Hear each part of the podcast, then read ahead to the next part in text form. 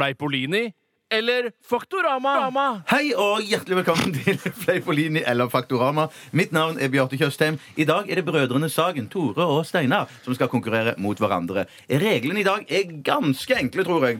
Eh, For jeg har plukket ut noen ord som jeg mener er vanskelige, og som jeg ikke har kjennskap til i det hele tatt. Eh, Dere kan gå for å velge eh, eh, b- bare en helt vanlig, streit, alvorlig forklaring, som da skal være riktig. Eller dere kan gå for en morsom en. Eh, Det betyr at hvis du svarer feil i den alvorlige forklaringen, så vil den morsomme mi- eh, vinne. Eller du Automatisk, Kan, liksom? automatisk. Trenger ikke være morsom automatisk. Eh, jo, den må være morsom. Den må være morsom. ja, hvis, ja, men Det hvis er litt begge mer driter- eh, innflukte regler enn ja, jeg først jeg regnet hadde med. det så klart i hodet i, i forkant her. Så synd, da. Men, men greien er at hvis begge to kan gå for en morsom forklaring, da blir den morsomste som, som vinner. Ah, OK. Da, hvem er det som har lyst til å begynne? Jeg. Jeg. Ah, begge lyst til å begynne? Men jeg sa det jo først. Ja, du sa det først. Tore skal få begynne. Takk. Eh, det første eh, ordet jeg ber om forklaring på, er dryade. Dryade. Driade er en gammel gresk kjempe. Han er like svær som gallopiggen. Og han tråkket på eh, barna til grekerne sånn at de mistet eh, livet. OK. Det var Og Lurer du ikke på om det var den morsomme eller den ekte forklaringen? Jeg tror du gikk for den ekte forklaringen. tror jeg Nei, også. ja. Det gjorde jeg. Absolutt. Steinar, vær så god. Dryade er, det, det er et fenomen som oppstår når sjokoladepålegg tørker og blir til pulver. og Du kan fortsatt bruke det som sjokoladepålegg, men det har blitt, eh, for eksempel sjokade har blitt dryade. Eh, og Det er ikke fullt så godt, men herregud, det er da sjokoladepålegg uansett. Ja. Jeg tror, Gikk du for den morsomme, eller gikk du for Jeg gikk for fakta. Det morsomme. Du gikk for fakta.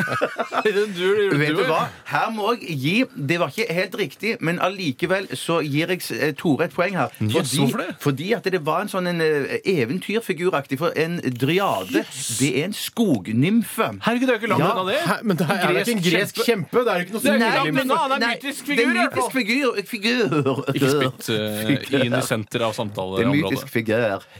Ok, så Tusen takk, bare Bjarte. i nærheten, da. Ok. Det er jeg som bestemmer. Det var ganske gøy det med dryade, altså tørr eh, Det er ikke så sjokolade. morsomt. Jeg syns ikke det var så morsomt. Det. Og dess- dessuten sa du at det var den alvorlige besvarelsen. Ja, jeg sa det. Jeg burde sa sagt det, ja. humor, for da hadde jeg vunnet uansett. Antageligvis. Nå er det Steinar som skal få begynne. Mm. Sa jeg bare dryade? Ja, det var skognymfe. Ja, ferdig. Skoginformant, tror jeg det. Det neste ordet er Jeg er vel litt rett for å ut- uttale det feil, da, men jeg, eh, det skal uttales gebraccio. Hva Ge- er gebraccio? Gebraccio. Ja. Det er en blanding av eh, pålegg og et strykeinstrument. Eh, Veldig, veldig godt, eh, og utrolig fin lyd i det. Eh, Brukte, ble brukt under barokken. eh, Da de- man gikk rundt med parykker og sånn, så var det ofte de med de høyeste parykkene som spilte gebraccio. Gebraccio. Jeg merker at det nærmer seg lunsj, for det var et pålegg vi også innom her. To ganger To pålegg. ganger pålegg. Men det er kjempegøy, Steinar. Jeg likte det. Tore? Besvarelsen min altså bærer preg av at jeg er sulten, ja. En gebraccio Ja. er en bratsj med et kromosom for mye. Altså en bratsj med Downs syndrom. Så den er litt søtere og mer klumpete enn de andre, og så har den ikke så lang levetid som vanlig bratsj. Nei, da må jeg si du Så gikk Det var tidlig du helt er. riktig. Så Det var den morsom. alvorlige- Nei, det er ikke bratsjo her. Ja, Nei, men det var den morsomste. Altså. Den er morsom, ja, ass. den er morsom, Steinar. Er du enig i Om det? en litt drøy, så var den Ja, morsom. det Jeg var, må ja. lære nå. Aldri, aldri eh, leke Fleipolin eller Faktorama på tom mage. Det må man aldri gjøre. Nå er det Tore som skal begynne. Og nå kommer vi til et ord som dere kanskje burde kjenne til. Eh, nå Tore kanskje i mer grad enn Steinar, men Steinar Å, òg for ikke så lenge siden. Psygote. Eh, Zygote. Psygote. Svar, da! Zygote er en, eh, verdens største synål. Eh, den er eh, 600 000 km lang.